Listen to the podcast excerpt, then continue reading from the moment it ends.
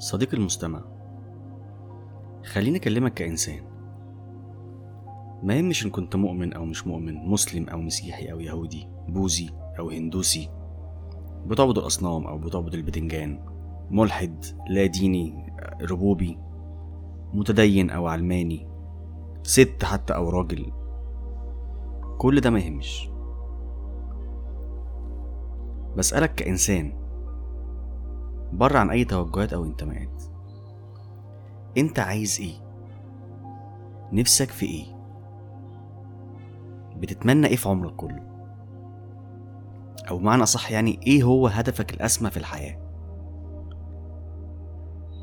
سؤال صعب صح؟ طيب هبسطهولك يعني لو قابلك جن المصباح فعلا وسألك شبيك لبيك هحقق لك حالا أي طلب أو أمنية مهما كانت هتطلب منه إيه؟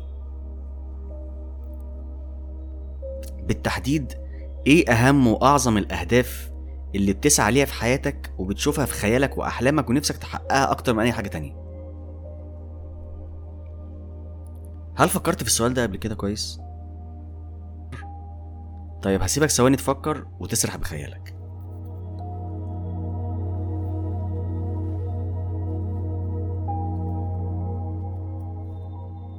ها فكرت؟ طيب لقيت إيه؟ طبعا معظمكم هيقول الفلوس الكتير والمليارات و... صح كده؟ بس سيبك من الفلوس لأنها شوية ورق. يعني إيه اللي نفسك الفلوس تجيبهولك أصلا؟ هل هو البيت؟ الحديقة؟ السيارة؟ الأكل؟ الشرب؟ هل هو الزواج؟ الأولاد؟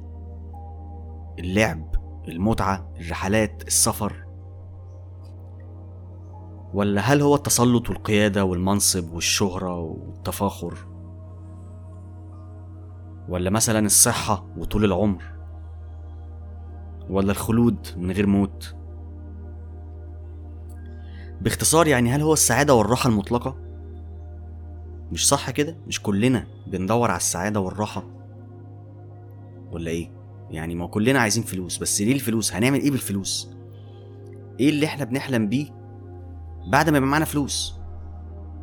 هنعمل إيه؟ عايزين إيه؟ إيه, إيه الهدف الأخير؟ إيه الهدف الأسمى في حياتك؟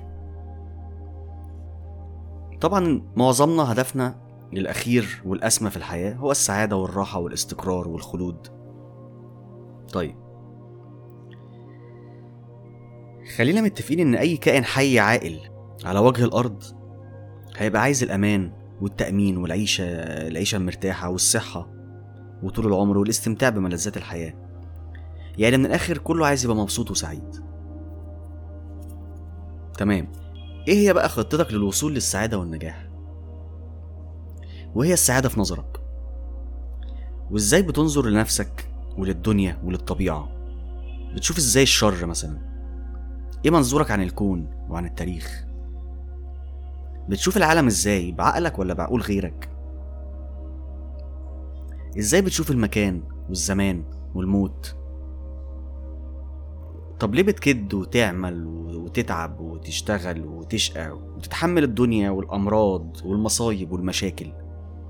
ليه كل ده يعني؟ ممكن بسهولة إننا نعرف شخصية وتفكير أي إنسان من خلال إجابته على الأسئلة دي. وممكن بسهولة برضو نستنتج إننا كلنا بعيد عن الطريق اللي إحنا عايزينه. وإننا كلنا انحططنا بأنفسنا لمرتبة الحيوان بل الجماد كمان. لأننا ما بنستخدمش أعظم كنز عندنا العقل. فحضرتك من غير عقل زيك زي الحيوان بالظبط بتتساوى مع الحيوان. وبعدين العقل مش وظيفته إنه يخترع وي- ويحسب و... مش وظيفته الحضارة والتكنولوجيا لا.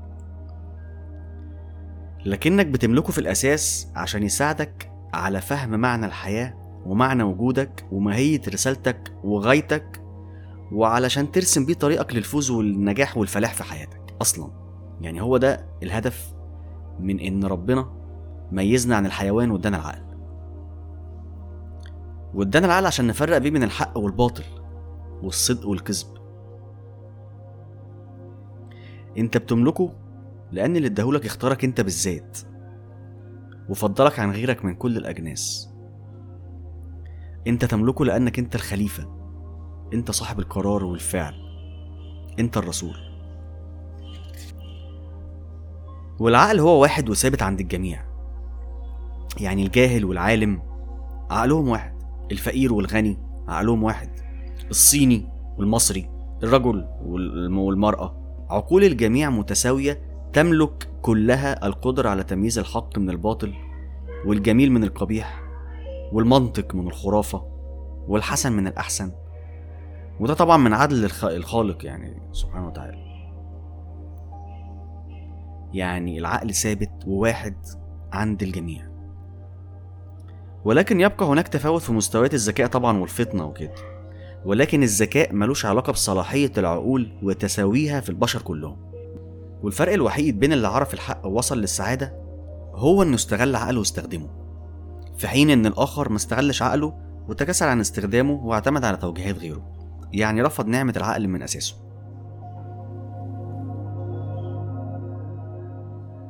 تعالوا نتكلم بصراحة كده وشفافية وصدق. كل واحد مننا أيا كان مؤمن أو غير مؤمن على يقين داخلي من إن في حياة تانية ومكان تاني ينتمي ليه غير الدنيا دي.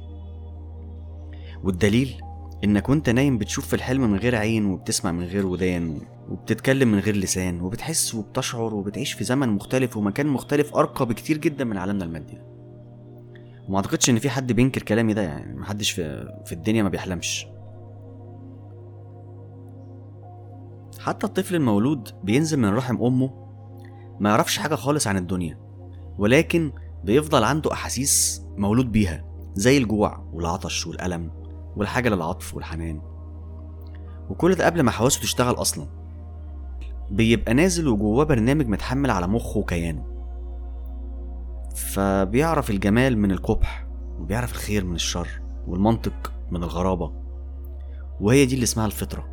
وركزوا معايا كويس في مفهوم الفطرة. وحتى الحيوان يملك الفطرة دي والمعرفة. يعني حتى الحيوان عنده عقل بيفكر بيه ويفرق بيه بين الصح والغلط وانت بمجرد التفكير بعقلك وتحري الصواب من الخطأ قبل أي فعل فده أكبر دليل على إنك مسؤول ومكلف وصاحب رسالة ما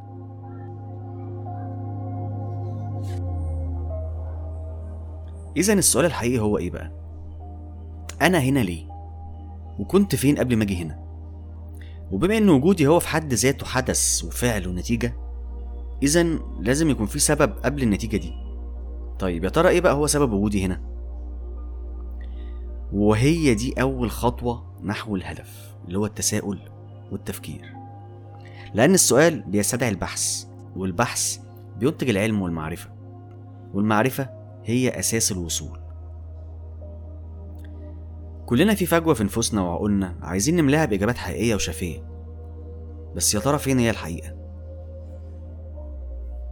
الحقيقة دي بقى والبحث عنها في حد ذاته هو هدف وجودك في الحياة. لأن البحث عن الحقيقة بيوصلك لامتلاك الأسباب والموارد والإزدهار. وبيوصلك لكل أنواع المعرفة والاكتشافات العلمية والرياضية وده اللي وصل له العلماء عن طريق التساؤلات.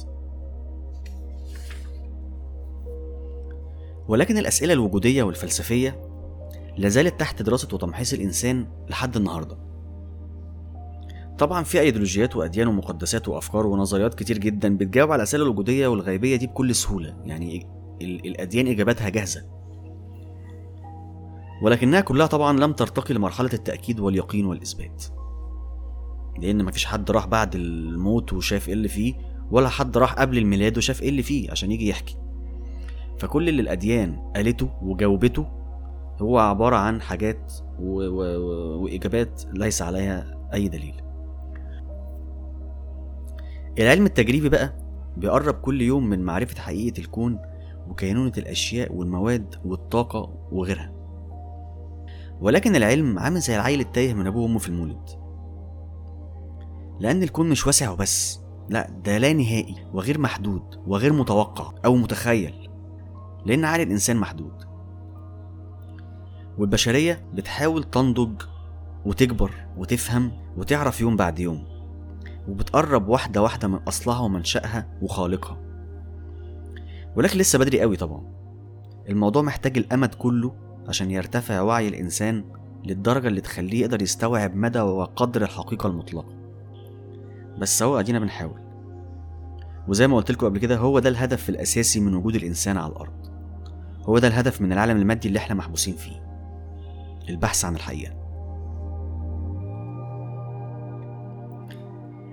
المصيبة بقى إن كل ما الإنسانية تحاول تكتشف وترتقي وتزدهر وترفع من ذبذبة وعيها وكيانها بتلاقي في يد خفية بتشدها لأسفل وتحاول تعيق تقدمها بكل الطرق. وللأسف اليد الخفية دي بتتمثل في الأصوليات والموروثات والأديان والمقدسات بكل أشكالها.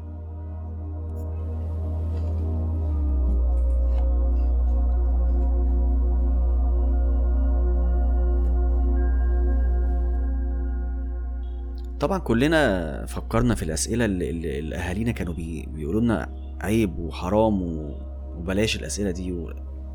وكانوا بيمنعونا عن التفكير فيها أو السؤال فيها. زي مثلا أسئلة ال... الأسئلة الوجودية يعني زي الكون ده شغال إزاي؟ بدأ إزاي؟ وهينتهي إزاي؟ وهل في دين حق؟ يعني هل في دين حق فعلا؟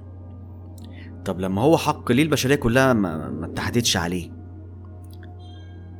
طيب ليه الخالق ما نزلوش في قلب كل جنين زي الفطرة كده؟ ينزل كل جنين مننا في رحم أمه معاه البرنامج اللي عارف فيه كل حاجة. يعني ليه استنى لحد ما الناس تتولد وبعد كده يبعت لهم كتاب وبعد كده يبعت لهم رسول وتحصل الدراما الغريبة دي؟ طب الدين الحق ده هيوصل للناس كلها إزاي؟ طيب إيه مصير اللي ما وصلوش الدين ده؟ وإيه مصير اللي عقله رافض الدين ده؟ إيه الحق وايه الباطل؟ إيه هي السعادة اللي إحنا كلنا عايزينها وبندور عليها؟ واوصل لها إزاي؟ وليه كل الشر والعذاب اللي حوالينا ده في العالم؟ طب ليه ربنا مش بيساعد أطفال المجاعات اللي في الصومال اللي بيموتوا من الجوع من غير أي ذنب؟ يعني الغابة اللي إحنا فيها مين خلقها وخلقها ليه؟ وبعدين إحنا ليه اتخلقنا فيها أصلا من غير موافقتنا؟ طب ليه الموت؟ وإيه اللي بعد الموت حتى كينونة الأشياء يعني يعني مثلا دي شجرة يعني إيه؟ إيه معناها؟ وليه الحروف واللغات ما بتديناش معنى وكينونة وحقيقة الأشياء؟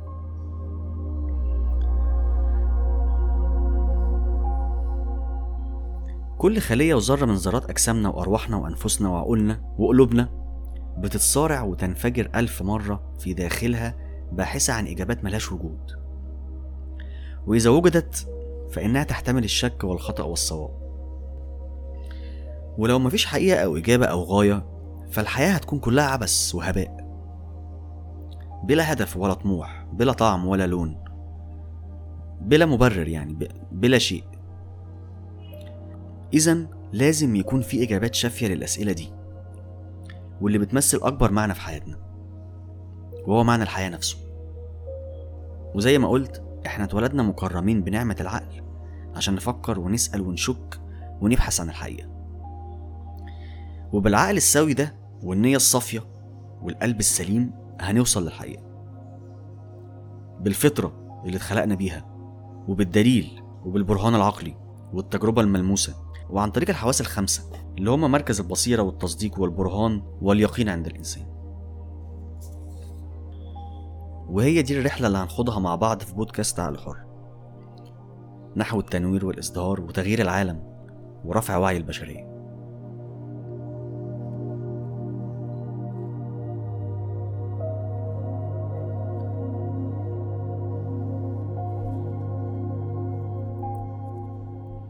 صديقي المستمع انت مؤمن طبعا صح؟ أكيد. ما هو انت يا اما مؤمن مسلم يا مؤمن مسيحي يا مؤمن يهودي يا مؤمن هندوسي يا مؤمن بوذي. حاجة حاجة كده يعني أكيد يعني صح ولا إيه؟ تمام. طيب. ايا كان إيمانك بإيه؟ بس معظمنا مؤمن بدين معين. صح كده؟ طيب. لو أنت مؤمن بحاجة معينة أو دين معين اسمح لي أسألك سؤال بسيط. بسيط جدا جدا. هل سبق ووقفت في يوم وسألت نفسك انت ليه مؤمن باللي انت مؤمن بيه؟ فكر كده. هل سبق وفكرت ليه انت اخترت الدين اللي انت اتولدت عليه ده أصلا؟ ولا للأسف انت ما اخترتوش من الأساس؟ هل انت واثق بشدة من إيمانك بالدين ده؟ طب انت ليه بتؤمن بإن يسوع المسيح هو الوسيلة الوحيدة للخلاص الأبدي ومش بتؤمن بتناسخ الأرواح والكارما مثلا؟ ليه بتؤمن بإن الله هو الإله الحق وأن محمد رسوله؟ ومش بتؤمن بالحقائق النبيلة الأربعة لبوذا مثلا. ليه متمسك بالتوراة باعتبارها الكلمة الوحيدة الموحى عند الإله؟ ومش بالكتاب المقدس مثلا البها غيتا مثلا؟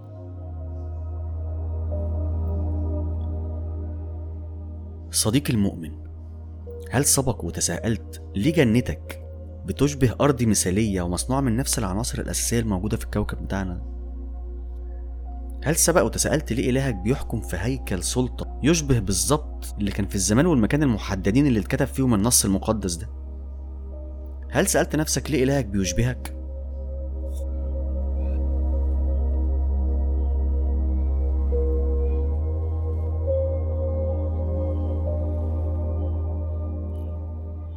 صديقي المؤمن مش العقيدة اللي انت بتمارسها هي المهيمنة على ثقافتك وعلى مجتمعك. مش العقيدة اللي انت بتمارسها هي المسيطرة في منطقتك اللي مولود فيها. طيب سؤال تاني. مش بتلاقي انه من الغريب ان الأغلبية الساحقة من كل المؤمنين في العالم بيعتقدوا ديانة المجتمع اللي اتولدوا فيه؟ ومع ذلك فهم مقتنعين إن الحظ حالفهم وإن إلههم أكرمهم وخلاهم على العقيدة الصح. طيب هو ده مش بيخليك تدرك على الأقل إن كل شخص تقريبا بيختار عقيدته مش لفضائلها أو الأدلة اللي بتدعمها أو نظامها الأخلاقية أو تعبير عن التعبد لأ. إنما بيختارها لأنه وجد عليها آبائه وأجداده وألفها منذ ولادته. بغض النظر عن وفرة الخيارات التانية المتاحة. يعني بالعربي كده ليه تقريبا كل مؤمن على وجه الأرض بيختار العقيدة اللي في متناول يده واللي اتولد عليها واللي أهله عليها؟ عمرك ما شكيت ولو لوهلة إن في حاجة غلط؟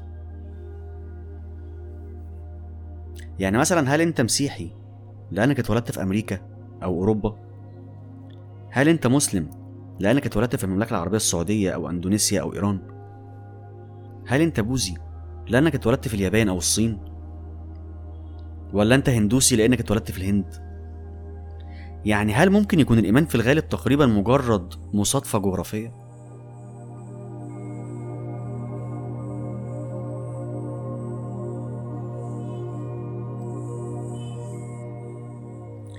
وهل تعتقد بصدق إنك لو كنت اتولدت في بلد تاني كنت بلا شك هتمارس نفس العقيدة اللي بتعتنقها دلوقتي يعني لو أنت دلوقتي مسلم اتولدت في السعودية ومعتنق الديانة الإسلامية ومؤمن بيها جدا جدا جدا وشايف إن هي الصح طيب لو أنت كنت اتولدت في أوروبا كنت برضه هتبقى مسلم؟ جاوب على نفسك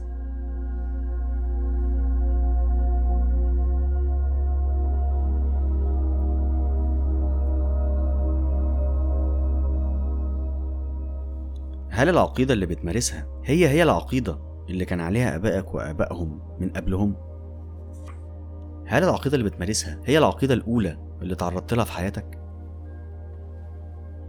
طيب هل تعلم إن كل معتنق الديانات تقريبا بيؤمنوا بما تلقوه من لدن آبائهم من معتقدات في نهاية المطاف؟ يعني مثلا إحنا ليه بنسخر من فكرة وصف طفل لسه مولود ولسه بيبتدي حياته في مقتبل العمر ليه بنسخر من فكرة إن إحنا نوصفه بالجمهوري أو الماركسي أو الكنزي؟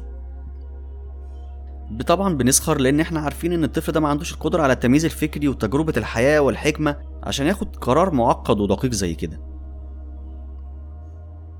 الغريب بقى إن إحنا ولا بنستغرب ولا بنقلق لما بنشوف طفل صغير وبنطلق عليه إنه طفل مسيحي أو طفل مسلم أو طفل يهودي أو طفل هندوسي. مع إن الخيارين معقدين زي بعض بالظبط. هل الطفل ده اللي عنده خمس سنين ده هل هو اختار إن هو يبقى مسلم؟ هل هو قرر إن هو يبقى مسيحي؟ هل هو عنده القدرة عن التمييز الفكري ما بين الأديان فاختار إن هو يبقى يهودي مثلا؟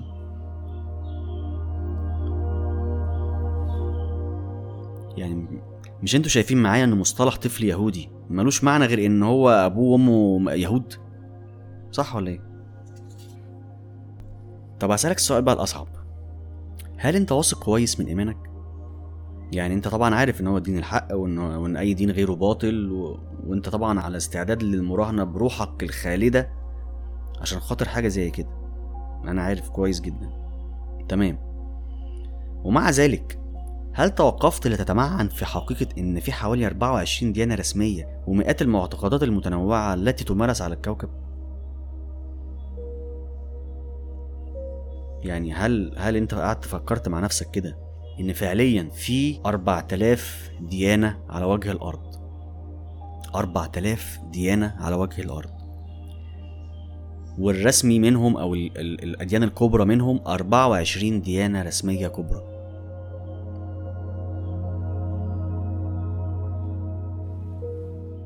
هل الرقم الكبير ده مش بيخليك تفكر في أي حاجة؟ طب انت عارف ان الاسلام في طائفتين متنحرتين عمالين يقتلوا في بعض وكل واحدة شايفة ان نفسها هي الفرقه الناجيه والفرقة التانية باطلة في النار وكل طائفة منهم بتقنع أتباعها ان هم المخلدين في الجنة بمجرد اتباعها والمذهب التاني ده كافر و طبعا معروف طائفة أهل السنة والجماعة وطائفة الشيعة. طب انت عارف ان المسيحية لوحدها فيها أكتر من 4500 طائفة؟ وكلها بتدعي فهم الحقيقة المطلقة أفضل من الآخرين. يعني كل واحدة من ال 4500 طائفة دول شايفة نفسها إن هي اللي عندها الحقيقة المطلقة والباقي لأ. طب هل تدرك إن كل عضو من كل عقيدة من دول هو شخص تقي وصادق زيك بالظبط؟ وإن إيمانه راسخ بنفس درجة رسوخ إيمانك؟ وإنهم بيقروا النصوص المقدسة بكل ثقة برضه زيك بالظبط؟ وإن عندهم تبريرات دامغة ومعجزات وأنبياء وطقوس. وبرضه بيحسوا من قلوبهم بوجود الإله وصوته الخافت وبيتبعوا وصيته المثالية بكل طاعة علشان يفوزوا برضاه وحمايته وبيحبوه بطريقة لا توصف. وإنهم برضه عندهم استعداد يدافعوا عن عقيدتهم بنفس الحماسة اللي أنت بتدافع بيها عن عقيدتك.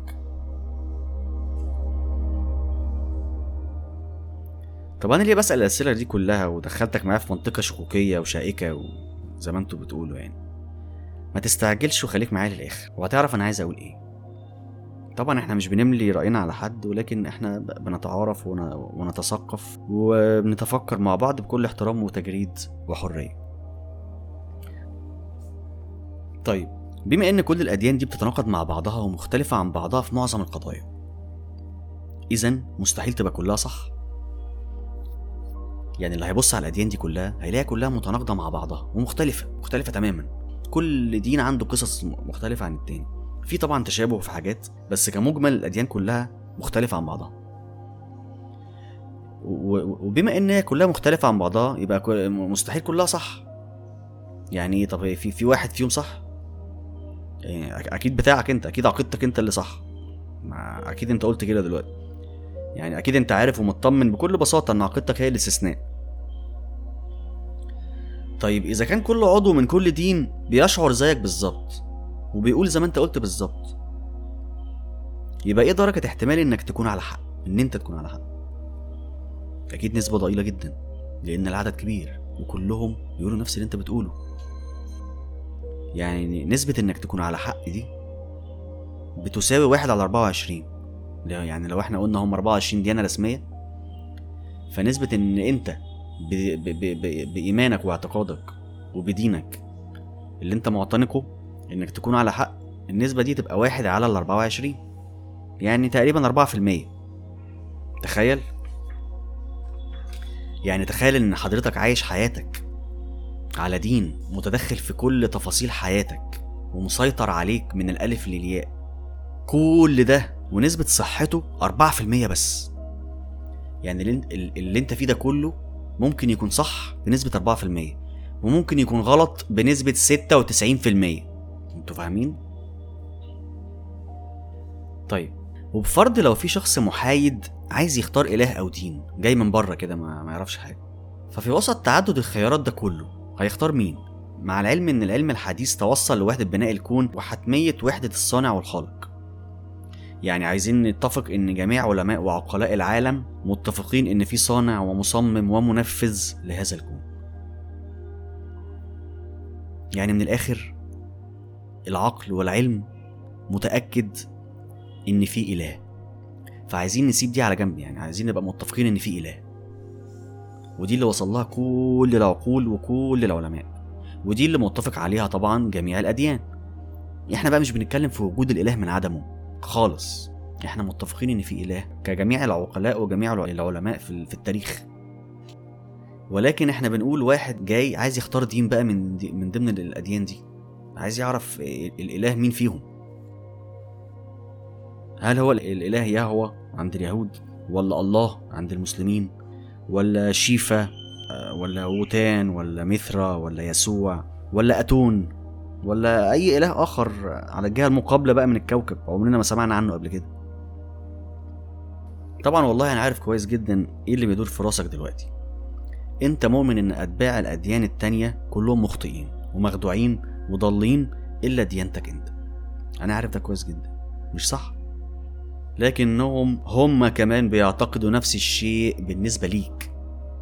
الطريقة اللي أنت بتشوفهم بيها هي بالظبط الطريقة اللي بيشوفوك بيها. كل هندوسي تقي اعتنق ديانته لنفس الأسباب اللي اعتنقت بيها أنت ديانتك لكنك بتشوف أسبابه غير مقنعة طيب برضه مين هو خالق الكون من بين كل الآلهة المعبودة على الكوكب ده؟ الأسماء كتير والآلهة كتير والقصص كتير والكتب المقدسة كتير والأديان كتير والطوائف كتير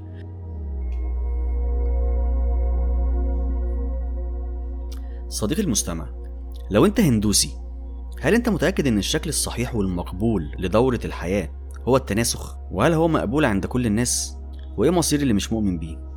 طيب إيه المنطق في إنه لو اتدفن الميت في مكان معين وتم حرق جثته على نهر معين ضمن الجنة؟ هل ده في منطق؟ وهل الشعور الوجداني هو الطريق الصحيح لمقياس الإيمان؟ أنا بسأل صديقي الهندوسي وهل فعلا لو حرقوا جثتك بعد ما تموت مش هتتحاسب تاني؟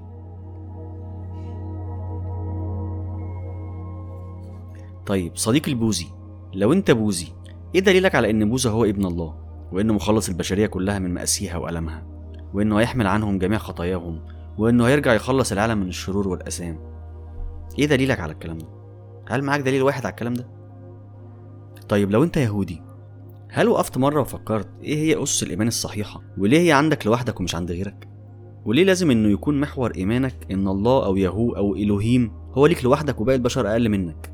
طب ليه بتؤمن بيه وانت معتقد انه ارتكب ذنب وإنه بيبكي من يومها من أثر شعوره بالذنب؟ وهل ينفع إله يبكي ويندم ويلطم؟ مش ده موجود في كتابك المقدس؟ طيب إيه هو دليل إيمانك؟ يعني هل التوراة دي مجمع عليها من كل فرق اليهود؟ وإيه هو مصير اللي يخالفك ويخرج عنكم؟ طب إيه هو مصير الأديان التانية بالنسبة لكم؟ طب لو نزل المسيح اللي أنتم منتظرينه وجاب بما يخالف مشروعكم اللي أنتوا عايزين تعملوه هتعملوا إيه؟ هتصلبوه طب.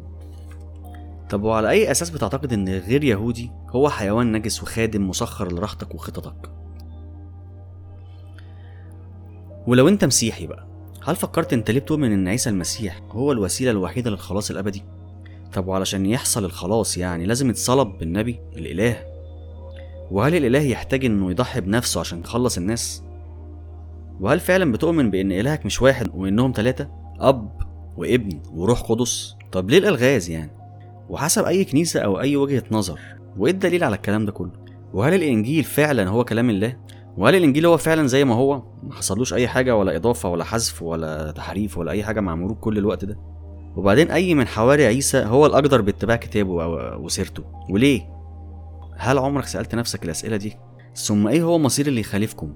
وإيه هو وضع المسيحي اللي بيتبع كنيسة تانية بالنسبة لك؟ طب وإزاي بتؤمن بكتابك المقدس حتى لو تعارض مع العلم والمنطق والأخلاق؟ إزاي بتؤمن بكتاب بيوصف الرسل والأنبياء بالزنا والبذاءة؟ وإزاي بتؤمن بكتاب وضعوا اليهود اللي قتلوا نبيك؟ طب إيه الهدف الروحي من الطقوس اللي بتحصل داخل الكنايس والأديرة؟ طب ليه بتسفكوا دماء الحيوانات وتاكلوا لحومها طول السنة وترحموها في شهر واحد في السنة؟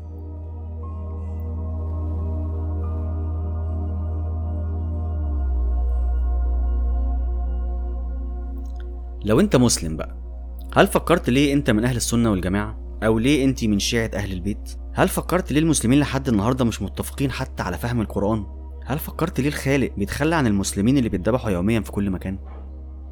طب بلاش هل فكرت ليه ربنا بيحاسبك على أفعالك مع إنه قدرها عليك من قبل ما تتولد؟ يعني هل ينفع مؤلف يألف قصة ويحط كل السيناريو والأحداث والأفعال والأقوال والدراما وبعد كل ده يجيب بطل القصة يحاسبه على أفعاله؟ لا يجوز ضد المنطق طب ليه النبي محمد هو الوحيد المقبولة شفاعته عند ربنا؟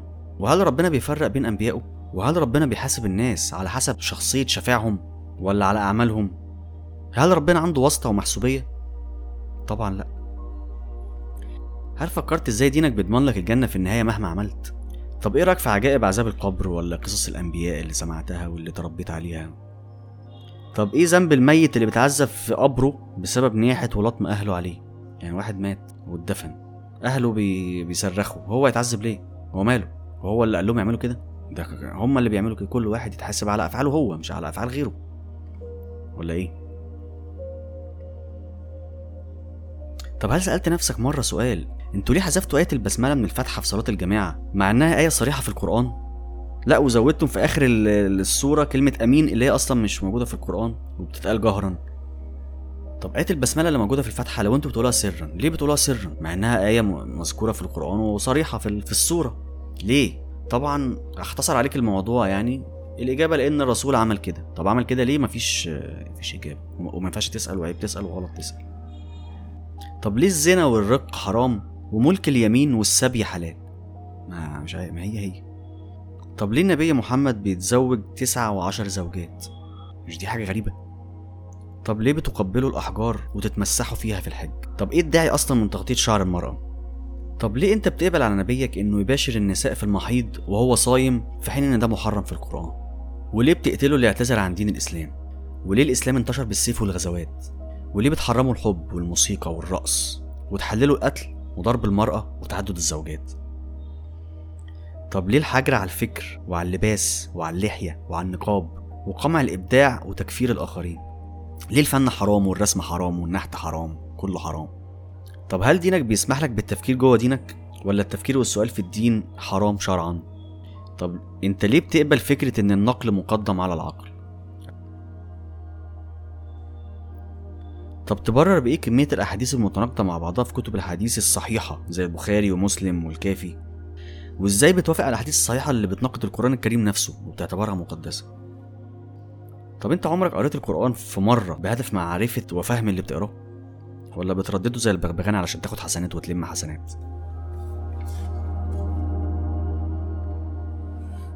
طب هل فكرت مرة في حال الأمة الإسلامية؟ وليه هي عايشة في التخلف والضعف والجهل والفساد والكسل والتنحر اللي هي فيه؟ يعني باختصار كده هل جه عليك اليوم اللي استخدمت فيه عقلك في مسألة الدين هل فكرت مرة في اللي بيسموه ثوابت الدين؟ أكيد لأ لأنك خايف وخاضع ومنساق زي القطيع.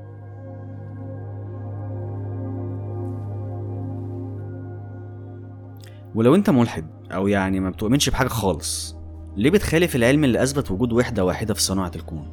ليه بتكذب عينك وقلبك وعقلك وفطرتك؟ ليه ما بتسمعش كلام الفلسفة والفلاسفة والحكماء على مر العصور واللي كلهم أقروا بوجود خالق عظيم وعقل كوني كان السبب في وجود الكون اللي إحنا فيه دلوقتي؟ أنا معاك إنك لازم يكون معاك الدليل المادي على كل حاجة ولكن حواس الإنسان ما تقدرش تستوعب كل الأدلة الكونية. يعني أنت ما بتشوفش أطياف كتيرة مثلا ولا بتسمع موجات كتير مع إن العلم أثبت وجودها بالدليل والقياس.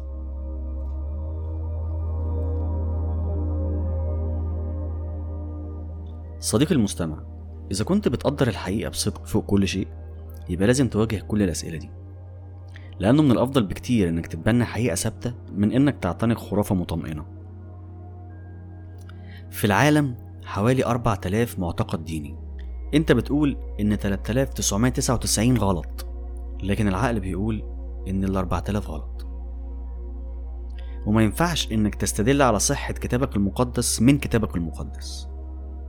لأن باقي الناس ما بتؤمنش بيه أصلا. ومن الآخر كده لو فعلا في دين من عند خالق الكون الدين ده لازم يكون منهجه متوافق مع طبيعة الإنسان وفطرته. لازم يكون متوافق مع المنطق والعقل. لازم يكون متوافق مع الأخلاق والعدل. لازم يكون متوافق مع السلام والحب والجمال. لازم يكون متوافق مع نواميس الكون وقوانين الطبيعة والأدلة العلمية. لازم يكون متوافق مع حواس الإنسان وملكاته وقدراته. ولازم يكون سهل من غير ألغاز. وما ينفعش يبقى مكتوب بلغة معينة أو بحروف معينة أو برسم معين أصلا. لازم يبقى بلغة كونية لغة علمية لغة عالمية. لازم يتفق عليه الجميع. لازم يساعد الإنسان على التطور والتقدم والإزدهار والرقي والتحضر والسمو. وكل واحد فيكم يقدر يحكم بنفسه على الأديان والمعتقدات اللي موجودة حواليه. وبيشوفها قدام عينه كل يوم وبيعيشها وبيمارسها في حياته وفي حياة اللي حواليه. وكفى بنفسك اليوم عليك حسيب من الآخر السعادة والرقي والحقيقة مش هتحصل من غير التنوير تنوير العقل. والتنوير يعني شجاعة الاصطدام بالمقدسات والمسلمات والثوابت. لأن مفيش ثوابت في العلم أو في الدين أو في أي حاجة في الدنيا. العالم كله اتقدم لأنه كسر الثوابت. وأي حاجة تانية هتبقى تواطؤ مع الرجعية والتخلف. هتبقى مجرد دهان جميل لبيت قايل للسقوط. فدين العاقل عقله وعقل الجاهل دينه. شكرا. كنتم مع بودكاست على الحر.